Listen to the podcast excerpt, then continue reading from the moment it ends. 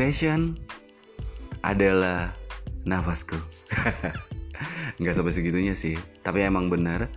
Fashion itu adalah passion aku, daerah aku karena aku sudah melakukannya lebih dari 10 tahun dan aku tidak mengganti-ganti pekerjaan, aku tetap menjadi fashion designer, fashion illustrator dan fashion konsultan untuk beberapa brand.